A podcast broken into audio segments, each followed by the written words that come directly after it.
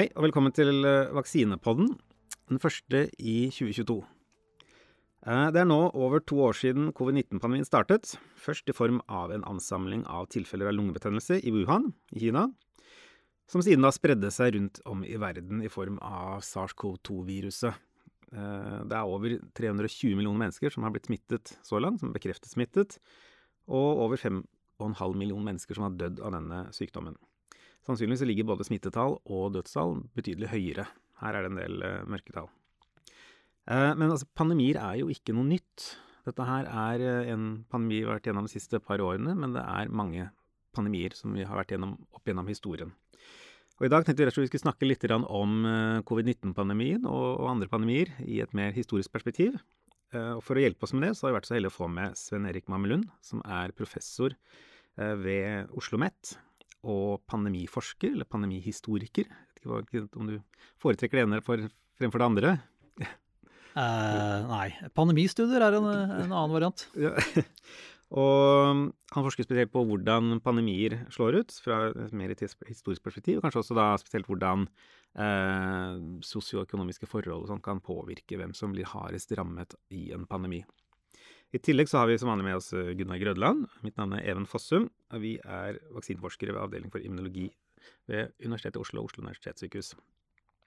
Så for å starte litt enkelt her, altså pandemier de, de forekommer regelmessig. Kan vi si noe om hvor ofte pandemier forekommer? Ja, det kan vi jo. Vi kan eh, sånn røffelig si at det, at det oppstår tre til fire ganger eh, hvert århundre. Eh, Jeg har sjøl gjort en studie på det fra 2008. Andre har også gjort studier på området og sett på historiske data. Eh, og helt tilbake til 1500-tallet så tror vi i hvert fall at det kan ha skjedd pandemier. og da har det vært tre til fire ganger hvert århundre siden da. Ja, Det eh, som der tenker jeg er eh, viktig å understreke, er at selv om de har en sånn rimelig regelmessighet når du ser i retrospekt, så betyr det ikke at du kan si at OK, nå er det så mange år siden vi har hatt en, da kommer det en i år X. Eh, for disse er òg eh, veldig uforutsigbare eh, når de kommer. Så det er bare viktig å understreke.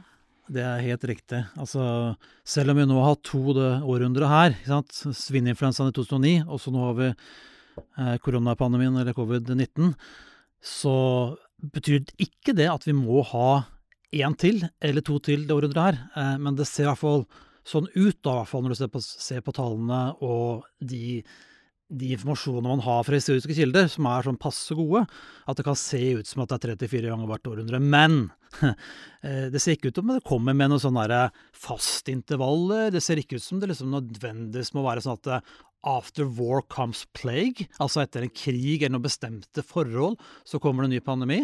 Selv om spanskesyken kom etter første verdenskrig, så ser på statistikken, så er det ikke noen sånn systematikk mellom liksom økonomiske sykler, dårlige tider, eh, gode tider, krig og sånt. Det er ikke noe veldig sånn systematisk at disse pandemiene opptrer i sammenheng med bestemte sosiale forhold. Det, det er i hvert fall riktig å si, tror jeg. Derfor man vil jo kanskje tro at det var, altså hadde en, en økende effekt, eller at, du, at du får, pandemiene ville forekomme hyppigere etter hvert som vi ble flere. At da, når, når man blir flere, på jorden, så rett og slett er risikoen for den type sykdommer større, men det har liksom ikke vært noe tegn på det, eller? Nei, altså, vet du hva, det er jo mange som har spekulert eh, det nå og, og lurt på det. Jeg synes han forrige helseministeren sa- noe som at nå kommer pandemien til å komme hvert tiende år. Uh, og jeg tror han baserte det på at uh, disse re-emerging og emerging infections muligens uh, i noen studier har vist seg å opptre noe hyppigere enn før. Men så er det sånn at eh, det ser vel ikke ut som foreløpig, i hvert fall i statistikken, at liksom disse at, at det har blitt flere pandemier allikevel, selv om vi har flere mennesker på jorda, selv om flere mennesker reiser raskere, flere, selv om flere bor i byer osv. osv. Så, enn så lenge i hvert fall ser det ikke ut som at det er noe flere pandemier som har oppstått pga. globalisering og flere mennesker som bor på, på kloden. Ja, jeg tenker du kan eh, se for deg at pga. at vi er så mange, så vil en pandemi når den kommer, kunne nå flere og spre seg raskere og eh, enklere enn tidligere. Men pandemier eh, tar ofte å oppstå fordi vi får biologiske endringer i virus som eh, eksisterer i eh, dyre- eller fugleriket. Og de endringene de har jo lite å gjøre med hvor mange folk vi faktisk er. Eh, når det kommer tilfeldigvis et virus i naturen som har evnen til både å forårsake sykdom, smitte mennesker og smitte mellom mennesker, da har du jo det biologiske grunnlaget til stede for en pandemi. Ja, nei, det er jeg helt enig i. Altså, jeg tror det Det var så godt sagt at det var omtrent sånn som jeg burde sagt det. Men det, det selvfølgelig er jeg helt enig i. Men det er på en måte Skal vi si for noe? Eh, risiko liksom, for en pandemi består vel liksom av to komponenter. Liksom. Det ene er sannsynligheten for at det kan skje, og det andre er konsekvensene eh, av det. Og den konsekvensbiten er, kan selvfølgelig være veldig forskjellig, da, avhengig av hvilke sosiale forhold man møter, eh om folk bor i byer eller ikke, hvordan man reiser osv. Og, den biten der er på en måte en, en litt annen uh, skål av det. Uh, men Uh, ja, og så er det sikkert noen som lurer på om man kan gjøre noe med sannsynligheten for at pandemi kan skje. Og uh, ja, jeg er uh, kanskje litt i tvil om at det er så lett å påvirke det, men noen mener jo det at det er mulig, da. Ja, jeg tror jeg er enig med deg. Jeg tror at det å drive og forutsi hvilket virus som kommer, og se på alt som eksisterer i naturen, er tilnærmet umulig. Man skal selvsagt prøve, og man skal selvsagt fortsette med den gode overvåkningen som WHO gjør men likevel være forberedt på at den dagen det kommer noe nytt, så det har vi ikke forutsatt det. Det er klart, det, når man hadde dette første fugle, liksom tydelige eksempelet på at uh, fugl kunne smitte mennesker direkte fra Hongkong i 1997, uh, hvor man på en måte Det var seks som ble Nei, 18 tror jeg det var som ble smitta, visstnok direkte fra fugl. Dette, dette, var ikke smitte mellom mennesker. Og så var det tre Nei, nei, det var 18 som ble smitta, og, og uh, seks tror jeg som døde. Og det var liksom alvorlig, og da drepte man jo hele fuglebestanden der, som et forsøk på liksom å, å, stoppe eh, en mulig potensiell pandemiutbrudd. da. Og det virka vel for så vidt der og da, da. Men Virka der og da, men ja. siden så har det jo hvert eneste år hatt eh, tilfeller av personer som har blitt smitta av ulike fugleinfluensa i Asia med relativt høy dødelighet. Så, men ja, de kan ikke smitte mellom mennesker ennå. Men det blir nok den neste pandemien, tenker jeg. I den grad vi klarer å gjette. Ja, jeg er veldig spent på de, disse nye informasjonene om, om fugleinfluensa nå. da, Altså at det er stor mm. uh, sykelighet og dødelighet i fuglebestander nå. Mm. Og, og, hvor mye som skal til, liksom, eller hvor lite som skal til, antagelig, for at det kan da lettere på en måte smitte mennesker, og etterpå mellom mennesker. To mutasjoner. I hvert fall hva angår H5N1, eh, som jo er et virus som i øyeblikket òg faktisk har kommet til fugl i eh, Norge nærmere bestemt eh, Vestlandet, der eh, jeg er fra. Så det er jo en av de store eh, mulighetene for neste pandemi. Mm. Så får vi bare håpe at de to mutasjonene ikke forekommer, da. Det får vi håpe, for det er jo helt tilfeldig hva som oppstår. Ja. um, altså Mye av de pandemiene som har vært uh, tidligere, har jo vært uh, altså Det er jo influensapandemier kanskje vi, vi kjenner best til. Uh, nå er vi midt i en koronaviruspandemi. Har, noe, altså har det vært noe tidligere forekomst av koronaviruspandemier som vi vet om? Det er et kjempegodt spørsmål. Jeg vil legge til det at disse historiske dataene og de kildene jeg har brukt for å si at liksom det har vært tre til fire pandemier, og da snakker jeg om influensapandemier, iallfall noe som vi tror kan ha vært det, så kan dette like Sånn som vi ser det nå, så er det jo klart vi kan sitte nå og si at jo, jo, Covid-19 er veldig forskjellig, eller SARS-CoV-2-virus er veldig forskjellig fra influensa. Det, det, er ulikt, ja. Det har litt ulike måte, risikoprofiler, og, og det er, er, er, definitivt et annet virus. Eh, men, men, med også ganske mange likheter, og en del likheter liksom, i konsekvenser. Uh, men samtidig så på en måte klart da de historiske kildene er ikke alltid så tydelige og klare da på, og om dette her kan da like gjerne kanskje ha vært koronavirus uh, i, som vi har tenkt på som har vært influensapandemier. Uh, og uh, det har jo vært noe spekulasjoner nå altså Under covid-19-pandemien nå har det kommet så mye forskning som det aldri noen gang har kommet på, på virus, uh, og særlig fra natur, naturvitenskapelig hold. Det, vært, det, er skrevet så mye. Aldri har skrevet så mye om pandemier før. Uh, uh, men da har det kommet et par paper som spekulerer om den såkalt russerinfluensaen som kom 30 år før spanskesyken, altså i 1889 til 1890, uh, eh, og med etterbølger og konsekvenser også langt ut på 1890-tallet i enkelte land. kanskje der har noen forskere nå da gått gjennom på en måte kliniske eller sånne på en måte fortellinger om, om pasienter, da, om hva slags symptomer de har hatt. Og da mener noen da at de kanskje, kanskje ligner noe mer på eh, at det her kanskje var koronavirus, da, og ikke eh, influensavirus som skapte den pandemien, da russerpandemien, eller russerinfluensa som vi har kalt det før. Så kanskje nå må, det hete noe annet eh, nå framover. Så eh, det er veldig spennende forskning som pågår der nå. Ja, og For å underbygge hvor vanskelig det er å finne ut hva som har skjedd i uh, retrospekt, så er det jo sånn at selv når uh, spanskesyken pågikk, som vi vet klart er en influensa, så visste faktisk ikke de i 1918 eh, at dette var forårsaket av et virus en gang. Eh, og det illustrerer jo litt hvor vanskelig det er å prøve å finne ut hva som faktisk har forårsaka pandemier eh, enda tidligere, hvor vi ikke engang lenger har prøvemateriale tilgjengelig, men baserer oss på symptombeskrivelser ja, det er helt riktig. Nå, nå har, det, har de greid å blåse liv i det 1918-viruset i ettertid, selvfølgelig, som er veldig spennende. Men, men, men, det er det jeg lurer på nå.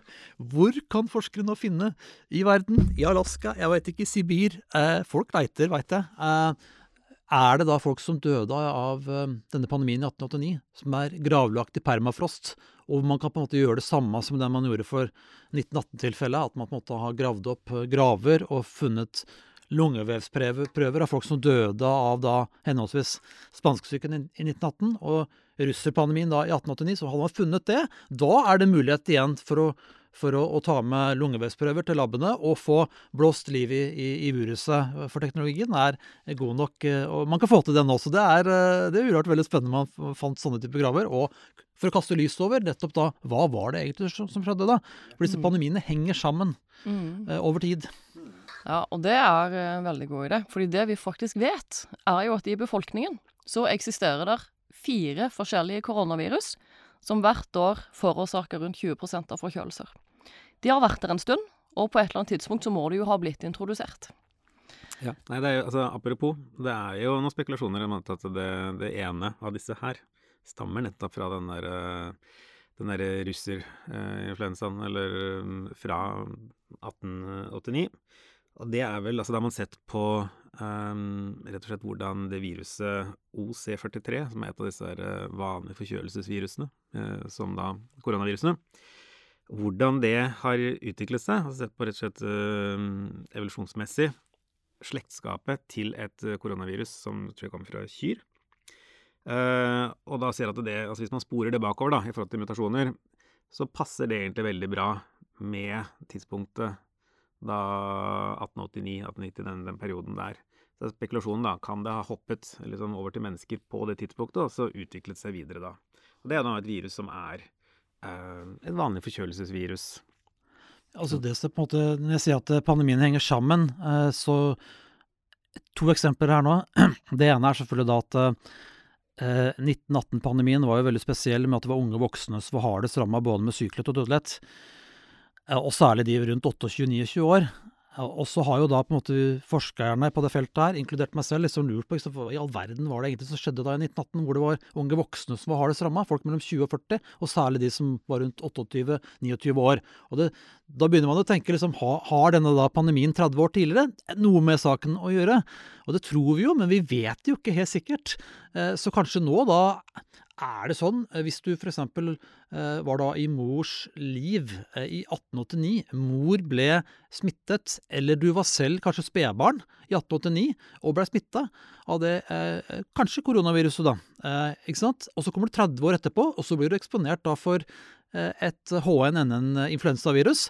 Og er det da på et eller annet vis negativt for deg? Det er i hvert fall en teori nå da på at det kanskje kan være tilfellet. Og det kan kanskje, kanskje forklare deler av grunnen til at det er så veldig høy dødelighet blant disse rundt 30 år i alder. Det er veldig vanskelig å komme på noe annet. i hvert fall sånn, Selv om eh, unge voksne kanskje da hadde noe mindre immunitet eh, enn de eldre, som kanskje hadde vært borti HN-lignende virustyper i fortida, eh, før 1889, så er det vanskelig, kan ikke det liksom være med å forklare hvorfor eksakt det var en sånn type topp da, i, i alder rundt 28-29. Men det her er jo, immunologene er mye bedre på dette her enn meg, men, eh, men her eh, kommer det i hvert fall til å være masse forskning framover som ser på hvordan eh, ja, virus da sånn på den måten, hvordan du er eksponert for tidligere virus i fortida, har noe å si for utfallet da, kanskje seinere. Ja, den Det som er vanskelig å forklare der, ville da være om det viruset forsvant. Fordi det ville det jo typisk ikke ha gjort hvis det fikk en stor utbredelse. Det ville ha fortsatt å bevege seg. Og da burde òg yngre generasjoner ha vært i hvert fall delvis um, immune. Jeg er enig med deg der. så Der finnes flere ting her. altså det er klart Eldre hadde noe restimmunitet. Det er uten tvil, tror jeg, basert på historiske og demografiske data. Det andre er tuberkulose, en risikofaktor selvfølgelig, for, og som kunne ha brakt opp dødeligheten blant unge voksne. Eh, disse cytokinstormene, som jeg heller ikke er noe ekspert på, men som kanskje dere er, eh, som på en måte også eh, på en måte var da trøblete for unge voksne, og at deres immunforsvar gikk bananas liksom, i møte med det viruset her, og med multiorgansvikt som, som følge da, for noen av de som var hardest ramma. Og, og, og, en krig som pågikk samtidig, og, og det, er, det, er, mange faktorer her, men det er iallfall veldig spennende for folk som forsker da på historiske pandemier. Eh, og ikke minst da eh, i samtale med folk som sitter og gjør eh, virologi på, i laboratorier i dag, ikke sant, og som gjør eksperimenter og, og, sånn, er det da veldig spennende å liksom pare kunnskapen om historiske pandemier fra historiske data, epidemiologi, liksom, til liksom på en måte hva man kan gjøre i lab i dag, og, og moderne type forskning som immunologer og virologer og sånn gjør, da. Hmm. Nei, ikke sant. Altså, din spesialitet ligger gjerne sånn rundt den spanskesyken. Det er kanskje det du har forska mest på. Uh, nå har vi på en måte begynt å bevege oss litt inn på det nå. Jeg tenkte bare sånn Opphavet her, vet du altså, Hvor egentlig det derre spanskesykeviruset som da har blitt nevnt, er et sånt HNNN-virus, hvor det kom fra? Altså, jeg, jeg, jeg er jo samfunnsviter, så hvor så tenker jeg geografi. Dere vil kanskje tenke liksom hvilket dyr du kom fra.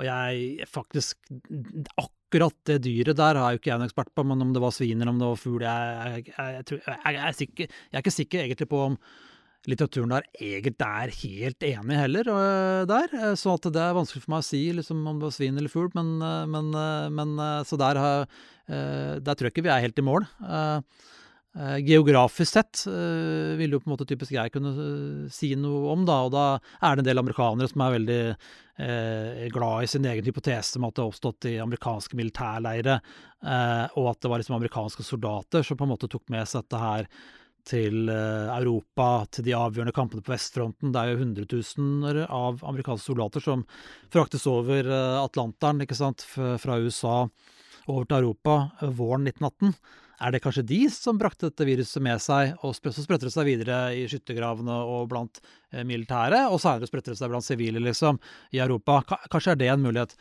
Men så er det andre forskere som eh, har vist at det har vært Nei, øh, kanskje spanskesyken Ja, når oppsto den? Det vet vi heller ikke helt sikkert. Kanskje det der man snakker om preceding noen ganger. At liksom, er det sånn mystisk som skjer noen år i forveien, før du får liksom et øh, skikkelig pandemisk utbrudd?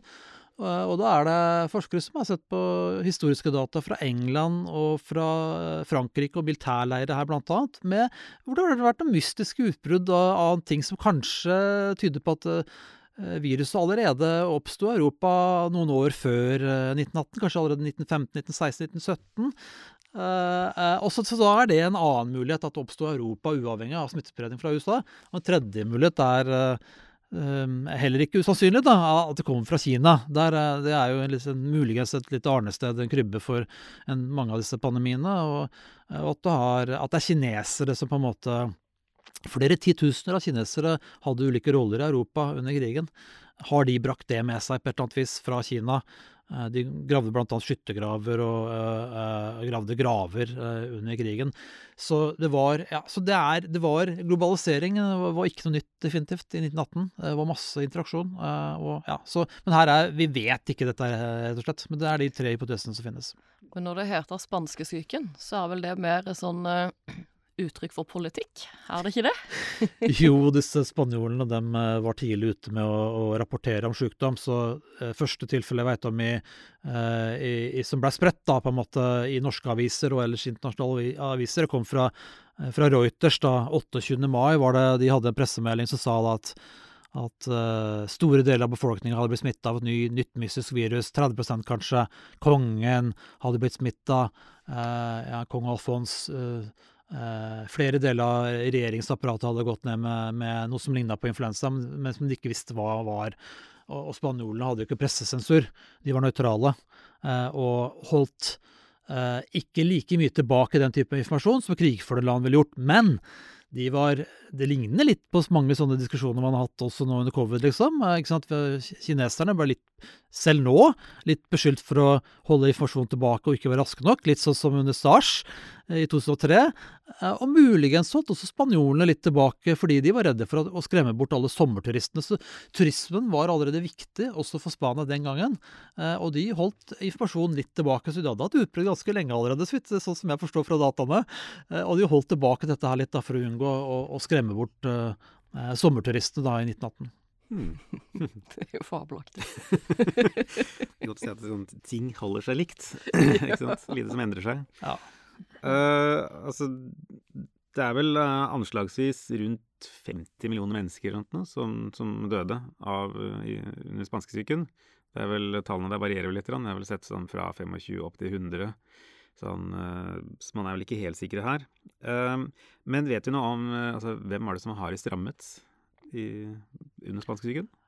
Ja, altså sånn Mm, risikogruppesett, som, sånn, som, som, ofte det er definert som liksom på en måte uh, ja, høy alder, eller, eller, alder i seg sjøl, uh, og medisinske på en måte tilstander, altså bakenforliggende sykdommer, så er det ingen tvil om at, at uh, alder betyr noe. Det var vi inne på i stad. Det er unge voksne som har det stramma, i motsetning til da det som er typisk for sesonginfluensa, hvor det er eldre som har det stramma, og de som er syke fra før av, og for så vidt det samme med covid-19. Uh, og så er det de som, som, da Altså unge voksne, uh, pluss de som var unge voksne og i tillegg hadde noen risikofaktorer, f.eks. tuberkulose, som var inne på i stad. De hadde uh, ekstra ja, forhøya risiko for alvorlig sykdom og dødelighet. da. Og så er det, som jeg selvfølgelig er glad i som samfunnsviter, så kan selvfølgelig så er det forskjeller mellom land. Det er forskjeller mellom sosiale grupper. Sjøl gjort masse forskning som viser at det er Eh, på en måte Uh, hardere på en måte ramma de som på en måte tilhører arbeiderklasse, f.eks. Sam, sammenligna med øvre middelklasse og elite. Og så er det, i 1918 særlig, urfolk er veldig hardt ramma, og ulike typer etniske grupper. Uh, og mye av disse tingene her, både altså disse sosiale risikogruppene og disse medisinske risikogruppene, er jo veldig konstante. Så det pleier å si at det er mange ting som er likt på tvers av pandemier over tid, så er dette her ganske sånn Dessverre litt sånn ganske konstanter, eh, egentlig. Én gruppe altså, som var hardt ramma i Norge under spanskesyken, samene, har ikke vært hardt ramma under svineinfluensa, så vidt jeg veit, eh, i 2009. Og heller ikke nå under covid, så vidt vi veit. Nå er det jo ikke sånn at uh, Um, urfolksstatus blir jo ikke uh, målt i statistikken under covid. Vi vet at fødeland uh, er med. Uh, men vi måler jo ikke systematisk på en måte dette her på urfolks, ikke-urfolk i Norge i dag. Men det er iallfall lite som tyder på at samene i dag har vært noe hardere ramma enn majoritetsbefolkning, og jeg tror ikke det heller var tilfellet under, under svineinfluensaen. Men i mange andre land, både under svineinfluensaen og nå under covid, som har urfolk, har ikke vært like flinke til å integrere, eller hva jeg skal kalle det, eller, eller redusere forskjellene i boligforhold, i utdanning, i alle faktorer som vi vet på en måte kan påvirke alvorlig sykdom, eksponering, sykdomsforståelse og, underliggende sykdom. Der har nok vi over tid siden 1918 da, vært mye flinkere enn mange andre land som har, har urfolk, som fortsatt er veldig sårbare. da. Mm.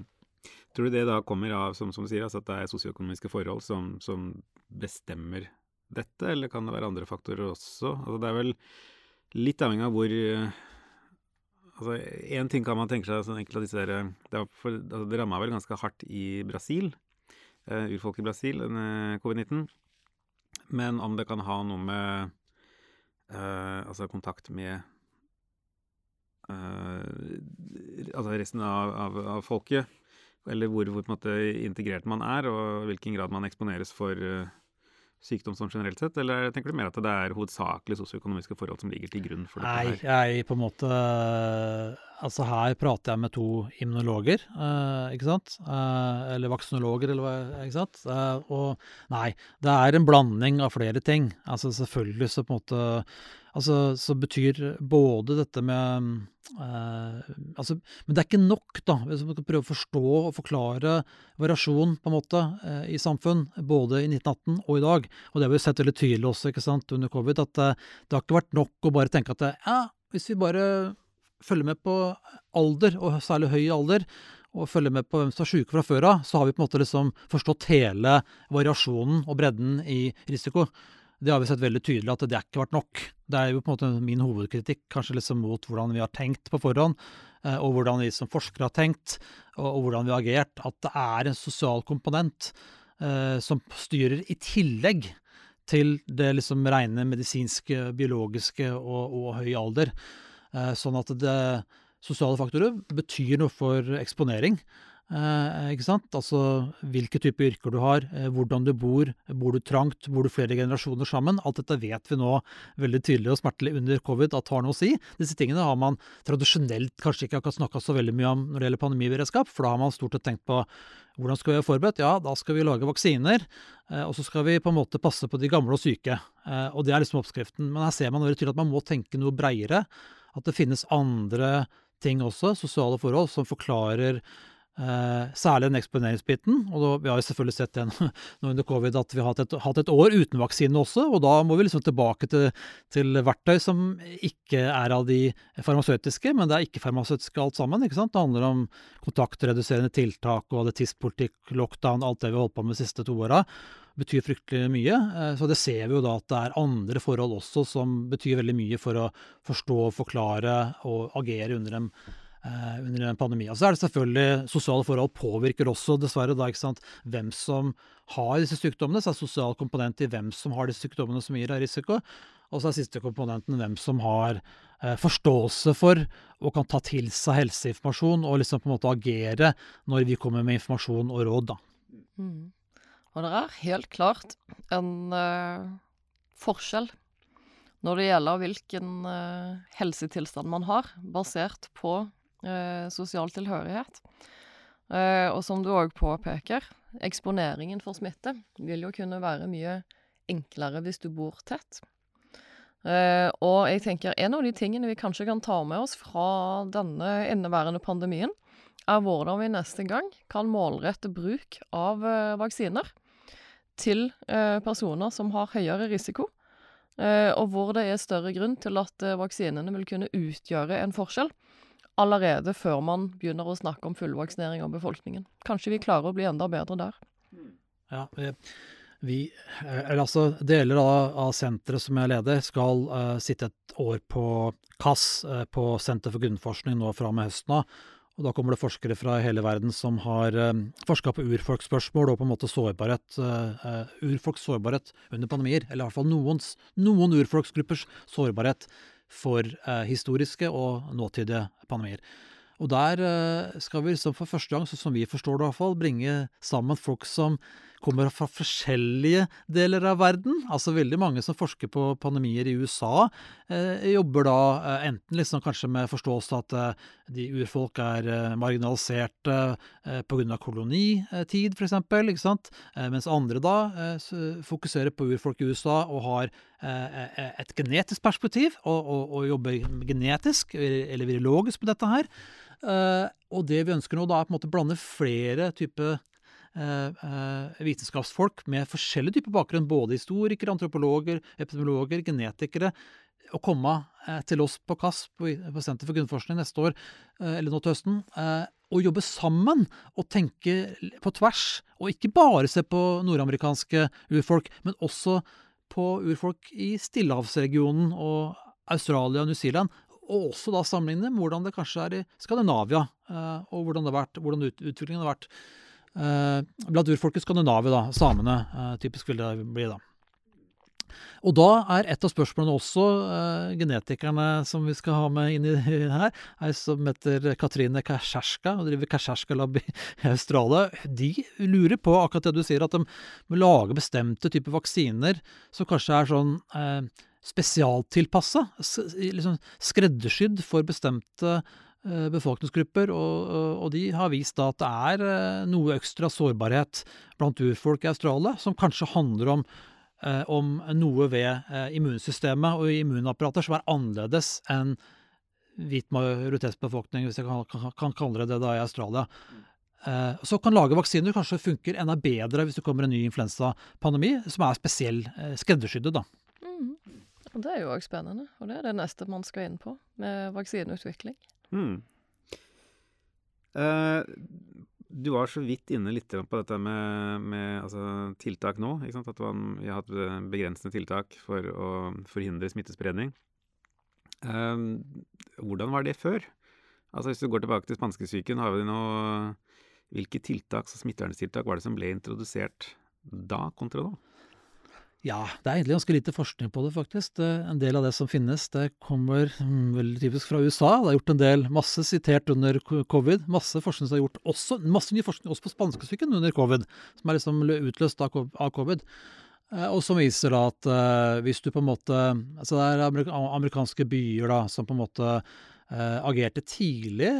På en måte gjorde deler av TISK-politikken, så å si. Isolert, isolering og karantene var det vel da som var tiltakene og para det med kanskje skolestenging, og kanskje eh, oppfordre folk å ikke eh, eh, møte opp der det var mange andre mennesker, og, og, og stengte deler av samfunnet. Uh, greide på en måte å utsette på en måte litt av noen av disse bølgene, og, og, dempe toppene og spre tilfellene utover tid.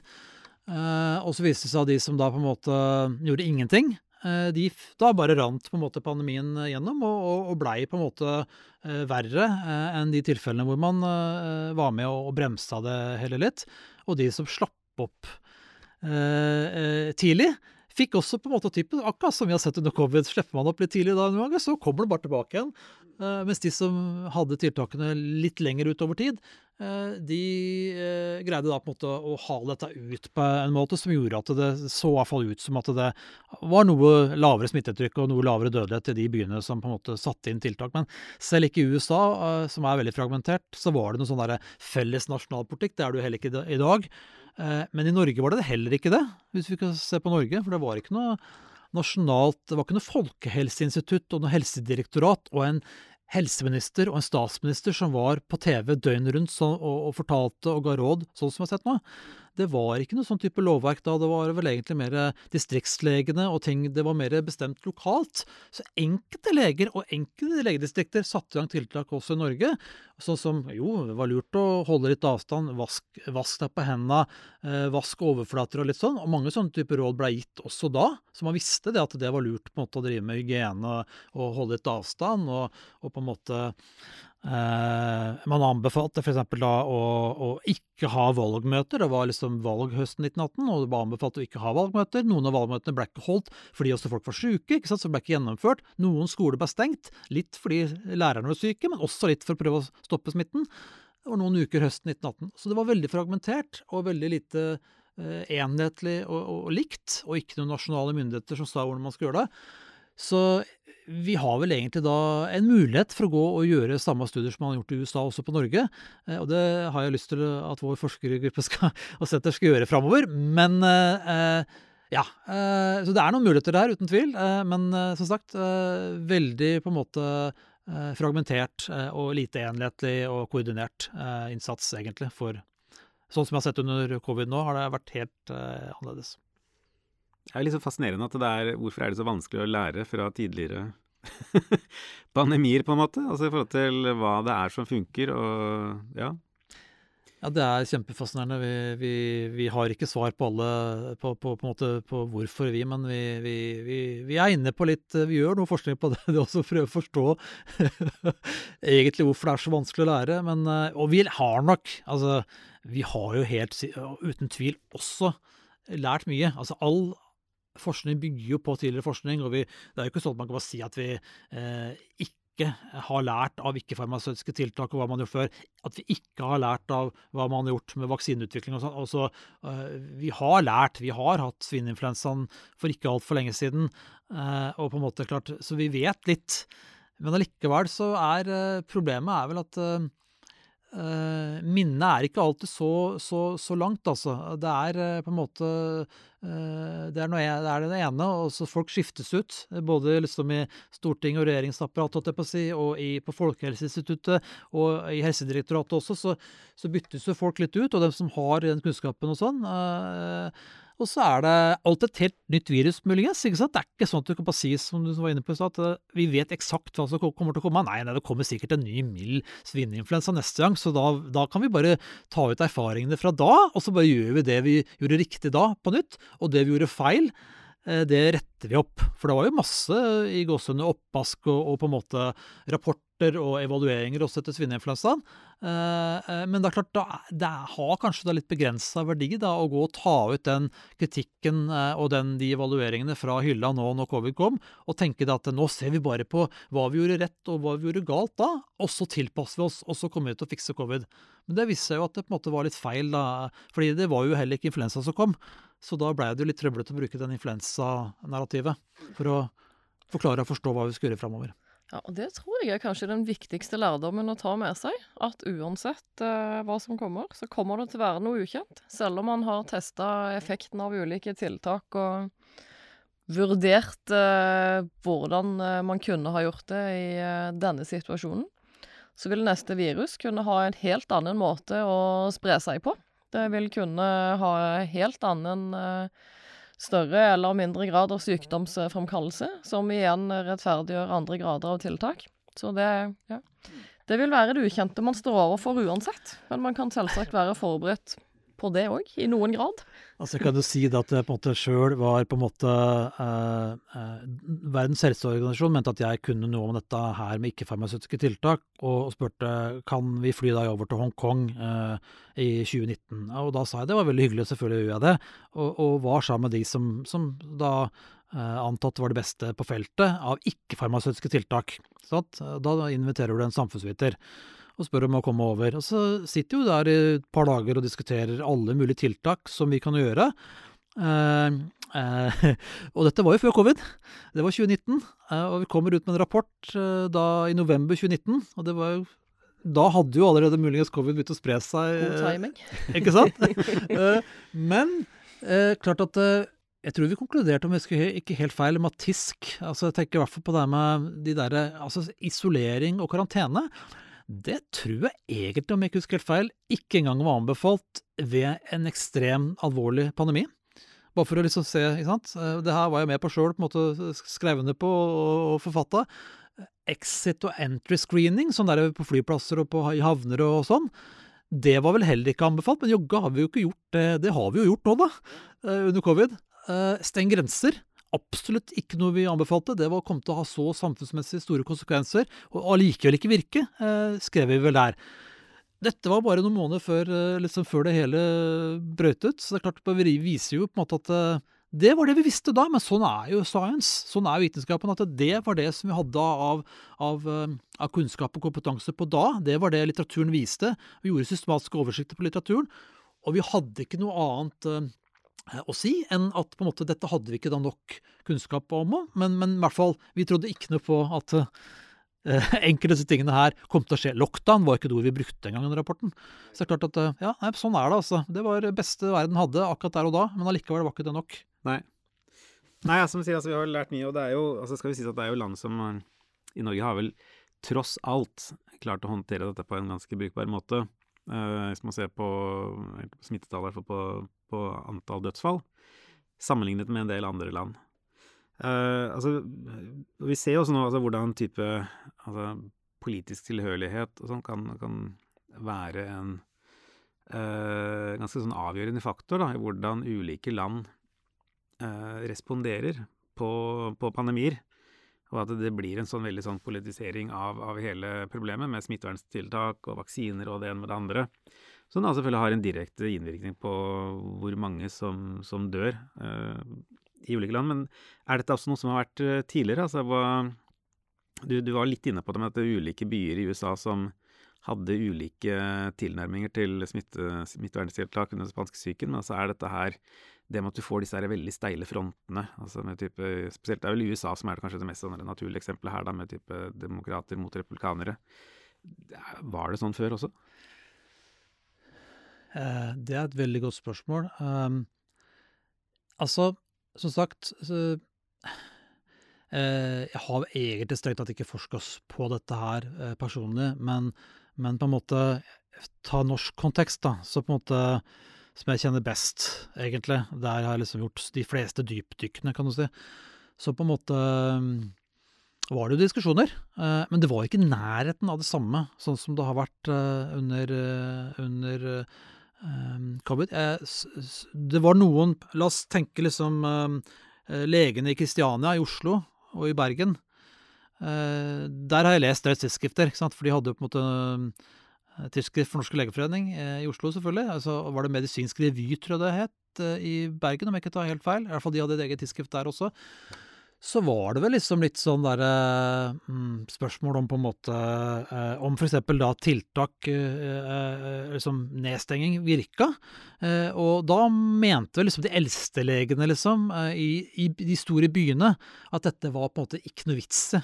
På en måte, Eh, på en måte eh, gjøre altfor mye egentlig for å stoppe det. For det hadde man sett allerede da under 1889-pandemien, at liksom disse tiltakene, særlig i de store byene, ikke ville virke. Da måtte det i tilfelle liksom på en måte uh, gjøres en lockdown, uten at det, det ordet brukte de selvfølgelig ikke, men da måtte det da måtte stenge hele samfunnet. Og det ville jo ingen gjøre, var på en måte liksom konklusjonen. Så det var, ikke, det, var ikke, det var ikke, på tankebrettet at det var noen som kunne sagt at det, nei, det, måtte, liksom, måtte ramme posten og jernbane, alt eh, næringsliv, liksom alle, hele deler av, av, av, av, individer og samfunn og befolkning. Det, nei, det går ikke. Så det var liksom, ideen var liksom at nei, dette må vi på en måte bare egentlig la løpe gjennom på en måte øh, øh, befolkningen. Uh, men at kanskje disse tiltakene vil funke litt bedre på landet, på landsbygda. Der var de litt enige om at eh, kanskje det kunne gå. Men det var ikke nærheten av noen sånne skarpe, steile fronter, sånn som vi har sett nå. Ene eksempelet er selvfølgelig eh, alkoholspørsmålet. For det, var ikke noe vaksine den gangen. Det var ikke noe antivirale legemidler. Det var ikke antibiotika. Det var ikke noen intensivavdelinger og, og, og sånn som man har i dag. Så, så var det man hadde, da. Legene hadde ikke så veldig mye å rutte med. ikke sant? Det, verktøykassa deres besto av eh, ikke-farmasøytiske tiltak som de ikke egentlig helt visste om eh, virka, eller de trodde helt på. Og så hadde de ikke noe andre særlig av virkemidler, men det var alkoholspørsmålet. Om på en måte alkohol kunne hjelpe da, eh, preventivt for å unngå å bli smitta, eller, eller, etterpå da, at det skulle nærmest virke som en medisin, at du skulle bli bedre av å drikke litt alkohol. Men der var det steile fronter, både på Stortinget eh, og i regjeringa, og store, sterke debatter i avisene mellom ulike leger og, og lekfolk. Eh, og, og det her var jo forbudstid, så var jo noe, alkohol var ikke noe, liksom, noe tilgjengelig for, for, alle, for å si det sånn. Men legene kunne skrive ut resepter på alkohol, og en del leger ble kritisert for å sko seg på det her og tjene penger på det. Og eh, det, uh, men han sosialministeren, han Abrahamsen den gangen, fra Venstre var han vel, da, han var imot å på en måte gi alkohol til alle som et legemiddel liksom, mot spanskesyken. Men en dag han var borte, så visstnok så ble det klubbeina med en sånn resolusjon. En kongelig resolusjon! Det er, ikke tull engang, altså. Det ble klubbeina med kongelig resolusjon en dag han var borte på Stortinget så sa det at alle husstandene skulle få en halvflaske konjakk. Så det henta folk. Og jeg har noen sånne, lest noen sånne folkeminnesitater hvor liksom man sier at eh, ja, ja, alkohol hadde jo ikke alle hatt, eh, og, liksom, og det ble litt av et menstruasjonsnummer da, når husfaren, da, som var selvfølgelig husfaren i husholdet, som da brukte denne resepten, så å si, da, så man kunne gå og hente da eh, alkohol da, eh, sant, på resept. Alle fikk det. fascinerende. Ja. ja. det er fascinerende. Nei, Det må vel være en av de få tingene det har vært enighet om. At sånn alkohol ikke funker? At, nei, eller at, at polet skal være åpent. så, ja. Sånn var det da. Sånn var det da, ja, ja. Mm. ja, det er fascinerende. Um, en ting selvfølgelig det, jo, altså, det har jo vært pandemi her nå i, sant, i Norge et par år snart. Det, um, folk er passe leie, øh, og de fleste lurer på liksom, når, når tar dette slutt? Kan vi, basert på tidligere pandemier, altså, spekulere i altså, hvor lenge varer en pandemi? Vanligvis, hvis man kan si noe sånt, eller hvordan utvikler de seg? Ja, det, jeg er veldig glad for at jeg Altså jeg var eh, sjøl som historiker, også pandemihistoriker og også samfunnsviter og demograf, var veldig mye i media i 2020. Uh, jeg er veldig veldig glad for at mange andre har, har, tatt over, og på en måte at jeg har sluppet å være i det trøkket der i hele tiden under de siste to årene. Men tidlig da så sa jeg vel liksom det at hmm, ja, disse pandemiene dem varierer litt i lengde, de. Men det kan nå godt gå to-tre år, og kanskje til og med litt lengre tid også. For det er liksom litt avhengig av hvor, hvem du spør, og hvor du spør. Ikke sant? Det er liksom på en måte Nasjonale tall kan på en måte vise ett bilde. Så plotter du på en måte liksom dataene fra spanskesyken, eksempel, på nasjonalt nivå, så ser det jo veldig ut som det liksom tydelig på en måte, som jeg snakka om, da, det kan ha vært noe preceding før 1918. Eh, 1917 så vet, eh, og, og, tidlig våren av vinteren 1918 var det utbrudd blant militære som ikke helt vet hva var for noe. Eh, masse eh, sykefravær. Eh, uklart hva det var. Så det kan ha skjedd noe allerede da. ikke sant? Og, da, og så får du på en måte en bølge som Ganske kraftig bølge, særlig i Skandinavia og byer i Skandinavia, og særlig Oslo. Ikke sant? Da går du ned på, ned på Oslo-nivå isteden, istedenfor å se på nasjonale nivået. Kjempeutbrudd da sommeren 1918. Og så er det liksom et utbrudd igjen høsten 1918. Veldig alvorlig. Mer alvorlig enn på sommeren. Og så kommer det en ny eh, bølge rundt vinteren. Akkurat som det har vært nå. Hvis vi ser på covid, så er det liksom OK, så går vi hjem og skal feire jul. Og så på en måte Ja, da er man jo litt mindre i kontakt med en del mennesker. Du er ikke på jobb liksom noen dager. Men så er du med, så er i kontakt med familie og litt andre folk. Og så kommer du tilbake igjen, så, så på en måte eh, steg smittetallene. Og det gjorde det også i 1918. Sett julefeiringene, da, nyttårsfeiringene, så steg også smittetallene da. Akkurat som nå. Det er veldig sånn eh, forutsigbart, egentlig. Og så varer denne her, eh, tredje bølgen godt utover vinteren 1919. Og så har du flere, og så er det egentlig stille og rolig resten av 1919 noenlunde. Og så kommer en ny bølge som vi tror er eh, eh, spanskesyken også i 1920. Vinteren 1920 hvor det fortsatt også er unge voksne som blir ramma. Noe som tyder på at pandemiviruset fortsatt sirkulerer, men samtidig så vet vi jo ikke helt. Da begynner ting å jevne seg litt ut, og så plutselig begynner det å ligne mer og mer på sesonginfluensa, og at ting blir endemisk. så det, det, er jo på en måte det som vi tror skjer. ikke sant? At det, Opprinnelig så, så, er det en ganske sånn eh, mottagelig befolkning. Eh, alle eh, er ikke nødvendigvis like mottagelige. Eh, særlig de eldre var ikke det i 1918. Eh, mange hadde noe restimmunitet og fightet spanskesyken, men eh, mange, hadde, mange unge hadde det ikke så sprer det seg jo eh, raskt da, når en del eh, ikke har immunitet, særlig unge voksne. Eh, og så øker jo For influensa så har i hvert fall vi visst mer om influensa kanskje enn om koronavirus, kan det virke som nå. Og da har vi tenkt at nei, folk øker immuniteten. Viruset får etter hvert trøbbel med på en måte å spre seg videre fordi det, du møter på folk som er immune. Og så på en måte får, en, får noen topper, eh, og så sprer det seg etter hvert eh, gjennom hele landet. Og så er det de områdene av landet, særlig kanskje Finnmark og eh, fjellbygdene i, på Sør-Norge, steder som har unngått tidligere utbud, de får det seinere. Og så ser du litt forskjellige typer bølger. Noen har én bølge, noen har to bølger, noen har tre og fire. Og så til slutt så får nesten hele landet da likevel, men da kan det ha gått to-tre år, og kanskje litt lenger også. Noen, noen data vi har fra fra andre steder i verden så ser du ganske sånn eh, flere bølger som kan ligne på, og det er unge voksne som blir hardt ramma da, langt utover på 20-tallet. Så kanskje tre, fire, fem år kan kanskje liksom til alt i alt ha, ha, pågått, men i all hovedsak så antar vi da at uh, folk har blitt immune, og så blir, uh, blir også da dette HNN-viruset på en måte endemisk, og så inngår det bare som en del av de ordinære virusene vi med, har med oss hver vinter, da, som flest Mm. Ja, der er jo det grunnleggende, tenker jeg, nettopp denne her eh, basisbeskyttelsen som eh, man får når man har blitt smitta og overlever eh, spanskesykeviruset. Eh, og eh, hvis du ser på nå, eh, så har du jo på en måte litt av det samme, men samtidig ikke. og den store forskjellen er jo at du nå faktisk får vaksinert folk. Sånn at ikke alle trenger å bli smitta for å opparbeide denne grunnleggende beskyttelsen. Men det er helt opplagt at på en måte viruset vil jo spre seg, og da de som ikke vaksinerte, vil jo opparbeide seg denne grunnleggende beskyttelsen gjennom å bli smitta med den risikoen det medfører.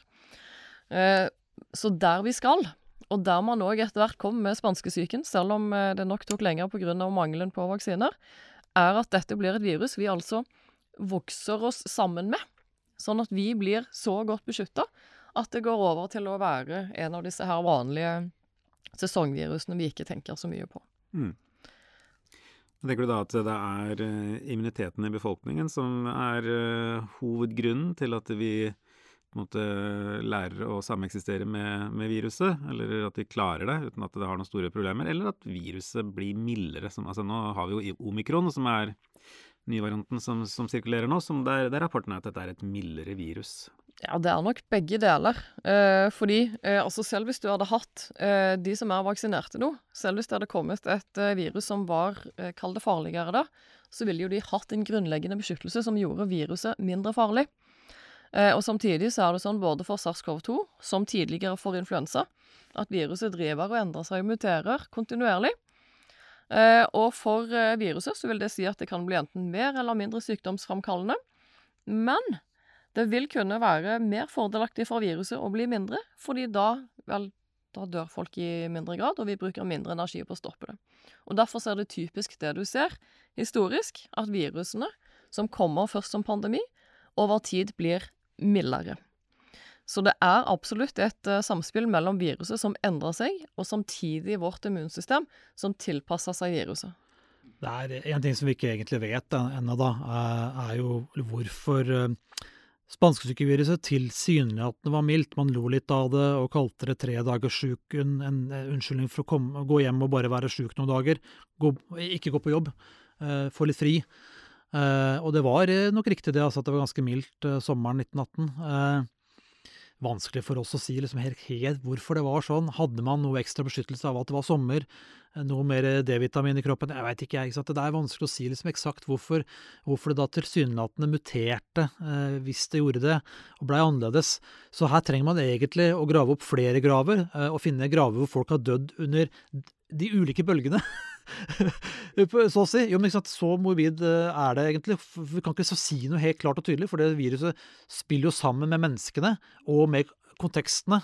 Ikke sant? Så det er veldig vanskelig å si hvorfor eh, ting blei verre. Da eh, var det plutselig Ja, høsten er jo liksom litt eh, annerledes enn på sommeren. Det har vi til og med snakka veldig mye om nå under covid. liksom At ja, nå kommer snart sommeren også, og gir oss bedre tider. ikke sant? For da kan vi være mer ute, og jeg vet ikke hva det er for noe. Du er mindre, mer, mindre inne, da, særlig på nordlig halvkule. Så, så det er jo forskjellige sånne faktorer her, så det er ikke godt å si helt. Men det må ha vært veldig mye mer letalt, da, eller dødelig for de som ble smitta. Under spanskesyken kanskje 2% som ble, hadde smitta som døde høsten 1918, og 1% på sommeren. Så det skjedde jo et eller annet der, men vi er jo ikke i mål med helt å forstå og forklare det. Og så var det kanskje ganske alvorlig også vinteren 1919, kanskje opp mot 2 dødelighet da òg. Og etterpå så, så må det kanskje ha blitt Kanskje det har blitt mildere etter det òg, for det jeg veit. Men det, ja, det, det, vet vi jo rett og slett ikke, for vi har jo ikke nok isolerte virus liksom fra over tid, da, fra den tida, til å si noe helt klart tydelig om det. Ja, det vi vet, er jo at de sesonginfluensavirusene, som er etterkommerne av spanskesyken, de vet vi er mildere. Men som du sier, når det skjedde, det vet vi jo ikke helt. Hmm. Spennende for forskere. Vi kommer til å holde på at det er uh, helt til vi blir pensjonister, sikkert. Ikke sant? Har vi, noe, ja, har vi noe å jobbe med fremover? Uh, bare sånn uh, avslutningsvis altså, Hvilke lærdom tenker du altså, fra tidligere pandemier? Uh, du har snakka om det at dere har forsket på, på hvem som er utsatt, og, og, hvem som har risiko for og, ja, hvilke grupper er mer utsatt for, for sykdom. Uh, og under pandemier hvilke hvem som har, på en måte, tar den høyeste sykdomsbyrden. Så hva tenker du egentlig er den viktigste lærdom vi bør ta med oss til neste pandemi? For altså, ut ifra det vi vet, så vil det jo komme en pandemi til på et eller annet tidspunkt, selv om vi ikke vet når. Altså Igjen må jeg jo svare som samfunnsviter. Uh, uh, og jeg tenker nå at eh, Ok, vi så det første året med covid. Uh, for covid-byrå er også historie på mange måter allerede nå. Uh, ikke sant? Det, er ikke, det er en ganske nylig historie. Men allikevel, vi må lære både av covid, men vi må lære av andre pandemier. men jeg tror det er noe med det her som At det å ha Altså, Norge tror jeg kanskje har greid seg ganske bra. Ville kanskje greid seg bra om vi ikke hadde hatt så vidt strenge tiltak som vi har hatt. Eh, også sammenligna med en del andre land, fordi vi på en måte har, er et homogent samfunn med ganske lite ulikhet. Så jeg vil alltid si at det å ha lite sosial ulikhet når det gjelder sånn, i bånn, før en pandemi kommer, må være god beredskap i seg selv. Så det å fortsette på en måte å ha lite sosial ulikhet i inntekt, i utdanning, i boforhold, sosiale forhold, altså på en måte kan påvirke eksponering ved en ny pandemi, eh, underliggende helse, at det er sosial, eh, lite sosial ulikhet i hvem som på en måte har eh, dårlig helse, eh, og ha god helseforståelse og helsekunnskap, det er god beredskap i seg selv. Eh, og det kan man kanskje bare se på Storbritannia som et eksempel, eh, som på en måte, eh, hvor det har vært ganske hardt ramma, uavhengig av politikk og hva de har gjort. USA et annet eksempel. Mye mer sosial ulikhet i helse og utdanning og inntekt og sånn enn det det er i Norge. Brasil et annet eksempel. Så de har det stramma landet har kanskje gjort forskjellige ting, hatt en annen type politikk, men har også hatt en veldig mye mer sårbar befolkning ved baseline. Det i seg selv er god lærdom, eh, syns jeg, for resten av verden også. At det, det er å fortsette å, jobbe for, for, å redusere sosial ulikhet i helse. Og så er det noe man skal gjøre, da. På en måte, når en ny pandemi kommer. Eh, er det noe vi annet vi kunne gjort, liksom? på en måte, Fordi man så på fødelandsstatistikk og sånn eh, for 2020, ikke sant, at innvandrere i Norge hadde høyere smittebyrde hele det året uansett nesten hva vi gjorde av ulike tiltak, om å oversette informasjon, prate med og ikke til liksom, Det var veldig mange sånne tiltak eh, å, å, bruke liksom med, for å prøve å nå eh, fram eh, om hvor viktig det var med smitteverntiltakene før vi fikk vaksine. Eh, så der har vi mer, mer å gå på. Eh, og ikke minst også har jeg jo sagt sjøl at jeg tenkte at kanskje når, når vaksinen er knapp, det er knapphetsgode, så kunne man kanskje ha fordelt vaksinene både etter sosiale og medisinske komponenter eh, tidligere. Eh, og indirekte eh, gjorde vi jo det da med å skjevfordele vaksinene, men da var jo det basert på smittetrykk, og ikke egentlig på sosiale forhold. Men alle, alle i Norge burde, ikke, burde ikke bli overraska av at Oslo kommer til å ha det høyeste smittetrykket, og kanskje østkanten det aller høyeste, fordi der er også sosiale forhold eh, tradisjonelt sett, eh, og nå eh, dårligst. Alle vet jo det. Mm. Så man kunne kanskje ha fordelt eh, vaksinene etter to nøkler. Eh, høy alder eh, for å ta eh, opp dette med alder og underliggende sykdom, men kanskje også en levekårsindeks, er det jo jeg ut, har talt for, da. Mm. hvor da hvor man tidligere kunne egentlig ha fordelt ut vaksiner ikke bare etter medisinsk risiko, men også sosial mm. risiko. Mm. Tror det er et viktig poeng å ta med oss til neste gang. Så vi håper at det blir tatt med At folk tar det til etterretning. Uh, eller om vi skal avslutte der. Uh, tusen takk til deg, Svein Erik Mamelund, for at du tok deg tid for å komme hit. Uh, lært veldig mye i dag, så det har vært uh, kjempeinteressant. Takk til Morten Skoglund ved Seksjon for medisinsk informatikk for teknisk produksjon, og tusen takk til dere som har hørt på.